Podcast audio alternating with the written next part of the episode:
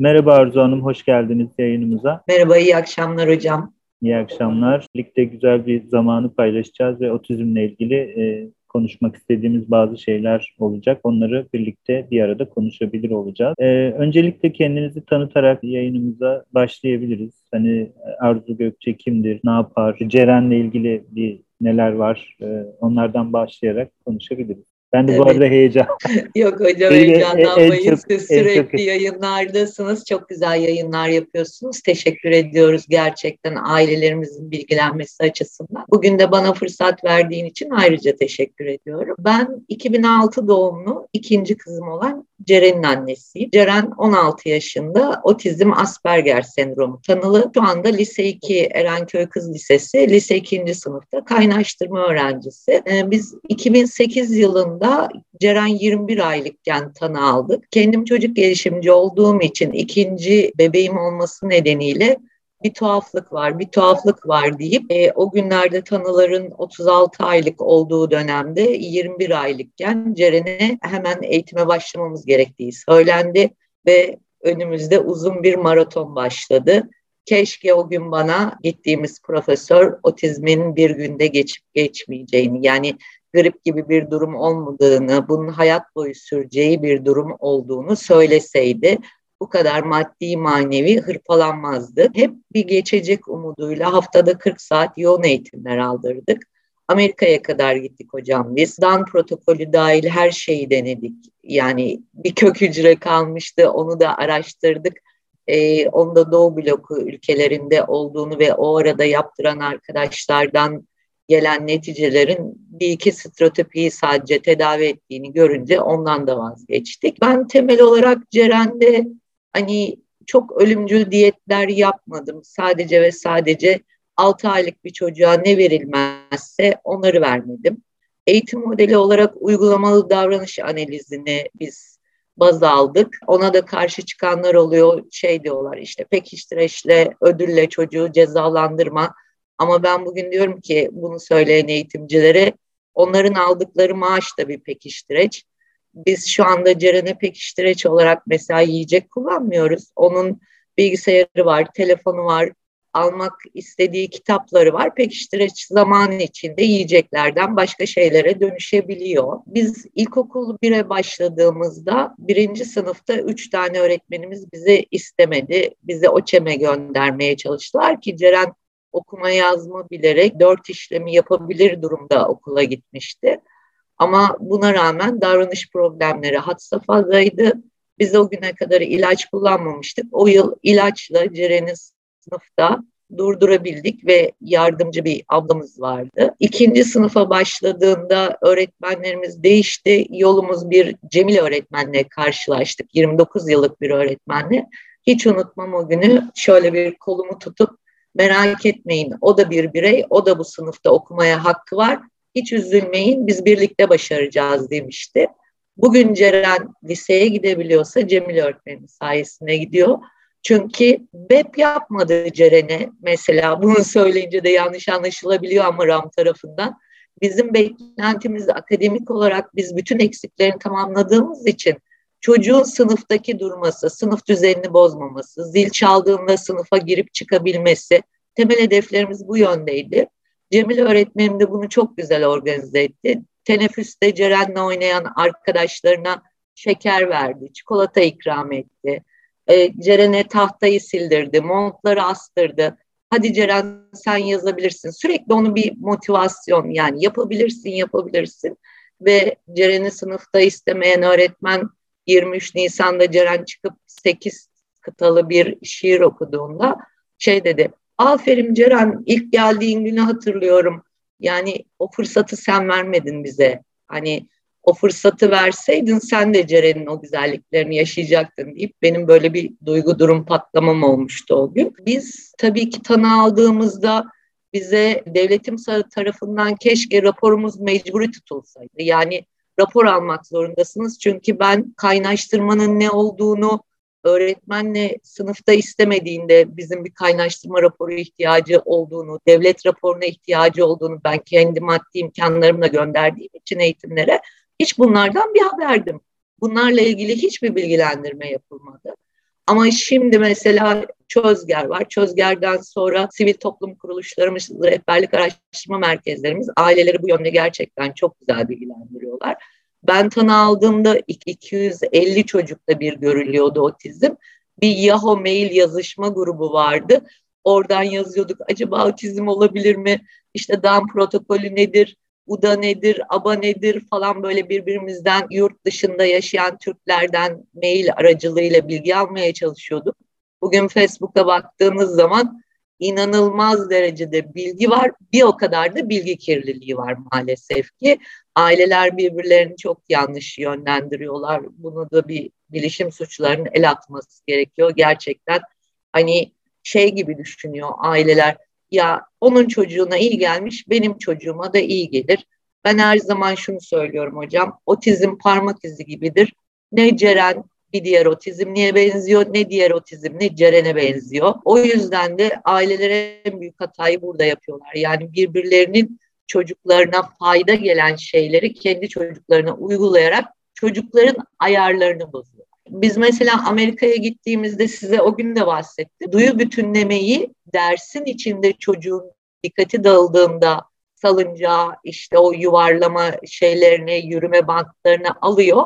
Dikkati dağıldığında oralarda çocuğu oynatıyor. Tekrar dikkatini geri sağlamak için masaya oturuyor. Dikkatini topladığında, sakinleştiğinde.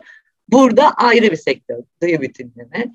E, floor time çıktı biliyorsunuz. Konuşma terapistine gittiğimizde bir doktor Acıbadem Hastanesi'nde şöyle demişti. E, sizin konuşma terapistine ihtiyacınız yok, muhakemeye ihtiyacınız var. Çocuğunuz portakalı gördüğünde kokusunu, tadını, içindeki suyunu, dokusunu muhakeme ettiğinde zaten onun portakal olduğunu söyleyecektir. Yani biz e, konuşma terapistinin, doktorun söylediği şuydu. Biz konuşmayan çocuklara konuşmayı öğretmiyoruz konuşma bozukluklarını düzeltiyoruz. Bizim ailelerimizin yaptığı en büyük hata büyük büyük hedefler koyuyorlar. Bence e, bizim gittiğimiz yoldan ilerlemelerini ben tavsiye ediyorum. Bizim ilk öncelik hedefimiz kreşe gidebilmekti. Kreşten sonra ilkokul, ilkokuldan sonra ergenlik, ergenlikten sonra lise, şimdi de işte önümüzde hedefimiz üniversite var. Anladığım kadarıyla eğitsel terapötik e, modelleri denemişsiniz, evet. takip etmişsiniz, araştırmışsınız. Bu süreç yani en başından tanı aldığınız andan itibaren karşılaştırdığınızda, baktığınızda e, hangilerinden Ceren'in faydalandığını gördünüz? Hangileri böyle Ceren'in daha olması gereken de bilmiyorum. Daha işlevsel, daha hayata katılımcı, daha hani iyi olma halini sürdürmesine yardımcı oldu. Hangileri olmadı sizce? Hocam bir kere Ceren'in gittiği yerlerde ben hep şunu hedef belirledim. Ceren gittiğimiz kurumdaki en kötü durumdaki çocuk olsun ki diğer çocuklardan güzel örnek modeller alabilsin diye ve bunun çok faydası oldu. Mesela biz OÇEM'e devam etseydik çünkü kendi gibi olan çocuklardan her bir araya geldiğinde problem davranışları edindi. Ama sağlıklı dediğimiz bireylerle bir araya geldiğinde daha böyle normal dediğimiz davranışları edindi. Bunun bize çok faydası oldu. Sporun çok faydası oldu. Beslenmenin çok faydası oldu. Uygulamalı davranış analizinin çok faydası oldu. Bir de sakinlik yani Ceren'e böyle sesimizi Ceren ne yapıyorsun demedik hiçbir zaman. Normal sizinle konuştuğum gibi yani hep aynı ses tonunda. Çünkü benim e, şeyde rehabilitasyon kurumlarında kapının önünde böyle Ceren bana bak diye bağıran rehabilitasyon eğitmenlerini görüp sınıf basmışlığım vardır. Şey dedim hocam çocuğum işitme engelli değil. Yani normal ses tonunuzda duyduğunuzda seslendiğinizde ve bu davranış zaman içinde o eğitmenlerin davranışı Ceren'de kulak kapamalara neden oldu. Yani o kadar iğreti çünkü çocuk o sese alışık değil. Hep böyle steril. Hani ben sac ayağı gibi düşünüyorum. Beslenme, spor özel eğitim olmazsa olmaz. Uygulamalı davranış analizini neden onaylıyorum? Çünkü içinde replikli öğretim var. Replikli öğretimleri bugün konuşma terapisti dediğimiz halı zamanı masaya sizi bağlamıyor. Farklı ortamlarda ABA, UDA, farklı ortamlarda eğitime devam edebiliyorsunuz. Bir salıncakta, bir bahçede salatalık toplarken, domates toplarken ki ben yaşam koçlarıyla tanıştığımda o yıllarda Türkiye'de bir tek Sapanca'da vardı. Ee, şey diyordu doktorumuz nedir bu yaşam koçları ne iş yapar bu kadar iyi giderken gerek yok falan. E, dedim ki hocam yani resim boyayarak yaprağı öğrenmek yerine onun dokusunu parkta dokunarak yanında bir öğretmeni olup bak Ceren bu yaprak dokunabilirsin demesinin ne sakıncası var dediğimde mevcut profesörümüz şey demişti kumar oynuyorsunuz yani risk alıyorsunuz demişti. Üç aylık gelişim videolarını izlediğinde evet bu sizin şansınız e işte güzel bir rüzgar yakalamışsınız dedi. Bugün mesela seminerlerde aynı hocanın sporu öngördüğünü görünce ben böyle bana niye o kadar direnmiştin deyip şey yapıyorum. Yani çocuğu için en doğruyu aile buluyor yani hocam. Onun ihtiyaçlarını anne babadan iyi hiç kimse bilemez. Sonra eğitmen. Önce anne baba çocuğunu iyi tanır ve onun mesela ben şey derdim. Size mesela geliyorum. Siz Ceren'in gelişim raporunu yapacaksınız. E, değerlendirme testini alacaksınız. Yalan söylüyordum çünkü yalan söylersem o zaman testin sonucunda otizm çıkmaz. Hani siz aa yok Ceren'de otizm bunu duymak istiyordum. O da bir hataymış.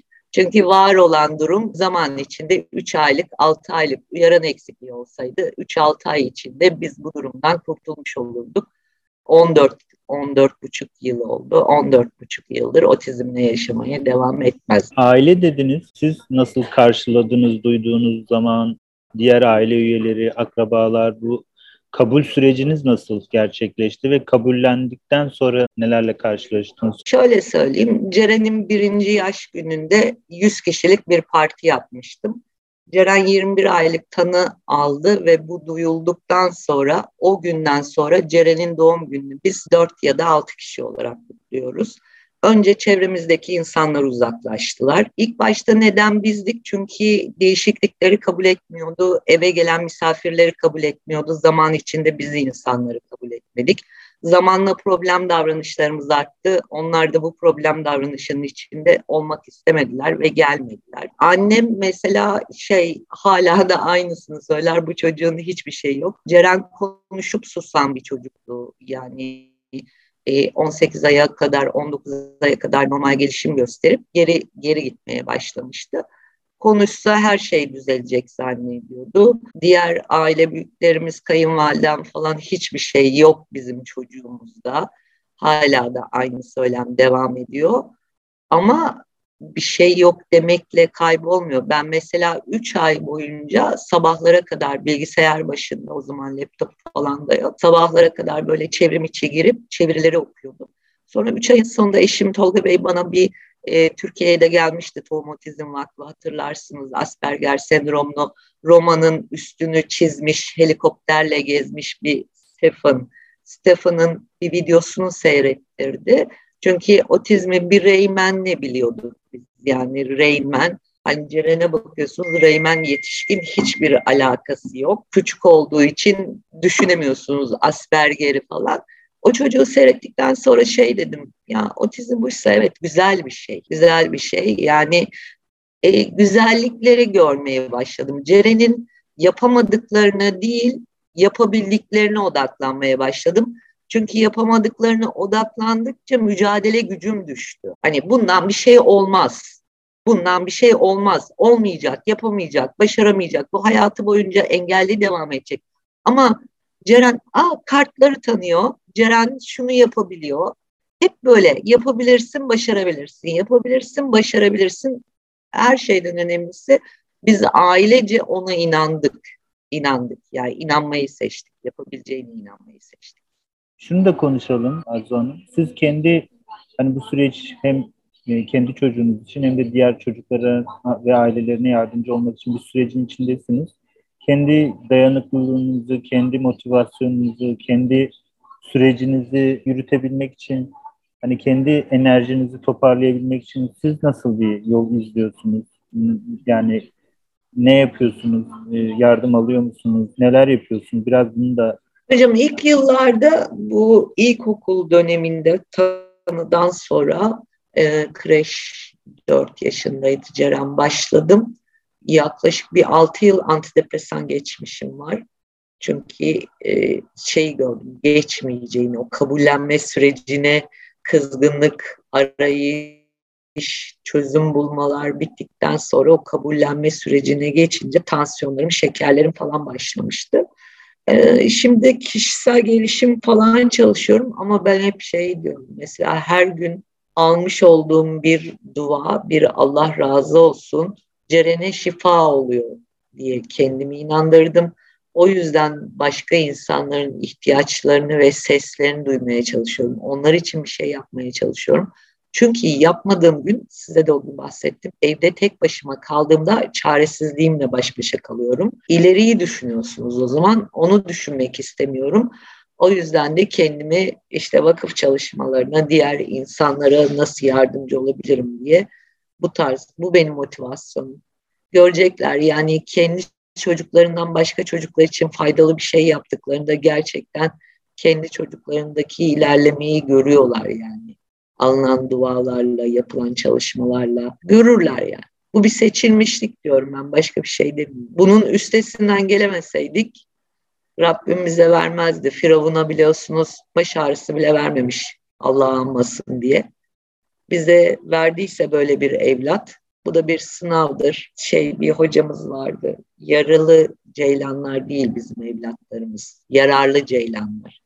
Bize o kadar çok güzel, ha, Mim Kemal Öke, Profesör Mim Kemal Öke, onun da Down sendromlu kızı var.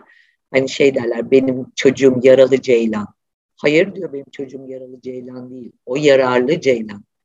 O diyor bana hayatta o kadar çok şey öğretti ki. Yani o tasavvufçudur o çok şey diyor öğretti. Gerçekten de Ceren bana sabır öğretti. Çok sabırsızdım mesela. Hiç beş dakika yerinde duramazdım. Sabrı öğretti, şükretmeyi öğretti, e, araştırmayı öğretti. Şimdi üniversite sınavına giriyorum inşallah akademisyen olacağım hocam. yani o kadar çok böyle e, vazgeçtiğim zaman zaman hayatımdan vazgeçtiğim şeylerde bile onun bir anne kelimesi mesela anne desin öleyim diyordum ben. E, bir anne kelimesinin bazen reklamlarda, sayfalarda dönüyor. Ne kadar önemli olduğunu o mesela yaşamayan bilmez. Şimdi ezan okunuyor. Ben şey diyorum bütün annelere, otizmli çocuk annelerine o evlatların ağzından anne dediğini duymu, duysunlar. Hepsi duysun inşallah. Yani o çok başka bir şey. Yani evlatla imtihan çok zor ama yani güçlü olmak zorundasın. Bir tane daha sağlıklı çocuğum var. E ben düşersem, eşim düşerse o zaman Ceren'le diğer kızım da düşer. O yüzden de ayaktayız hocam. Bu arada diğer kardeşiyle ilişkileri nasıldı Ceren? Ha, çok, çok babası, seviyorlar büyük babasıyla. Babası, babasının aşıkı o zaten. Babası model alıyor babasını. Onun sözünü dinler. Babası onun yaşam koçu gibi çok güzel dinliyor babasını. Ablasıyla da öyle ilişkileri beraber sinemaya falan gidiyorlar. Güzel yani ama tabii ablası biz Ceren'e yetişmeye çalışırken çok erken kendi kendine büyüdü, kendi kendine olgunlaştı, kendi sorunlarının üstesinden geldi. Yani ona da geç kaldık. Birini düzeltmeye çalışırken birine de geç kaldık. Öyle. Onlar da mesela kayıp hayatları, onlara da psikolojik destek verilmesi gerekiyor hocam. Anne, baba ve sağlıklı kardeş. Aile... Ama biz tamamen otizmli çocuğu, Tolga Bey'in çok doğru bir lafı vardır eşimin. Şey der, bizim evlerde bir kişi otizm tanısı almıyor. Bütün aile bir bireyleri otizm tanısı alıyor. Yani saatli bomba gibi evin içine düşüyor hocam. O düştükten sonra bütün hayatınız baştan aşağı değişiyor. Parlayalım. Teşekkür ediyorum o zaman. Benim aklıma hani söylemek istediğiniz, bunu da söylersem iyi olur dediğiniz bir şey kaldı mı onu bilemiyorum. Ee, yayın... Yok hocam yayınların çok güzel. Teşekkür ediyoruz yani e, Otizm TV doğru bilgilendirmeler yapıyorsun. Daha sık ailelere mesela doktorlarla bir araya gelip ayarlayalım ben de destek olayım size. Doktorlarımız ailelere doğru bilinen yanlışları anlatsınlar. Bıkmadan, yılmadan tekrar tekrar mesela doktorumuzla özel eğitimciyi alalım ekrana. Ne en çok karşılaştırdıkları zorlukları aileler açısından anlatalım olalım. Onlar anlatsınlar, dinlesinler, hayallere kapılmasın kimse. İnşallah çok güzel günlerini görecekler çocuklarının. Yapamadıklarına değil, yapabildiklerine odaklanırlarsa otizmle yaşanabileceğini öğreniyorlar. Biz öğrendik, başardık, onlar da başarabilir. Yaşayabiliyoruz yani. Peki son olarak size iyi gelen bir sözle böyle hani mottonuz olabilecek iyi bir sözle bitirelim. Söylemek istediğiniz, size etkileyen, bir aklınıza sık sık gelen, enerji uyandıran sizde. Yanımda ol, yarınım olsun. Ben onu seviyorum yani. Yanımda ol, yarınları olsun. O şeyde de var, Mavi Hayallerim şarkısında da var Tadev'in farkındalığın falan kimse farkında olduğu yok. Biz sadece böyle her şey yolundaymış gibi yapıyoruz aileler olarak. Ama gerçekten hala otobüste, minibüste birçok yerde yaşadığımız sorunlar var. Bizim vicdanlı insanlara, sevgi duyan insanlara, yanımızda işte yanımızda olmalarına ihtiyacımız var. Başka hiçbir şey, para pula hiçbir şeye ihtiyacımız yok.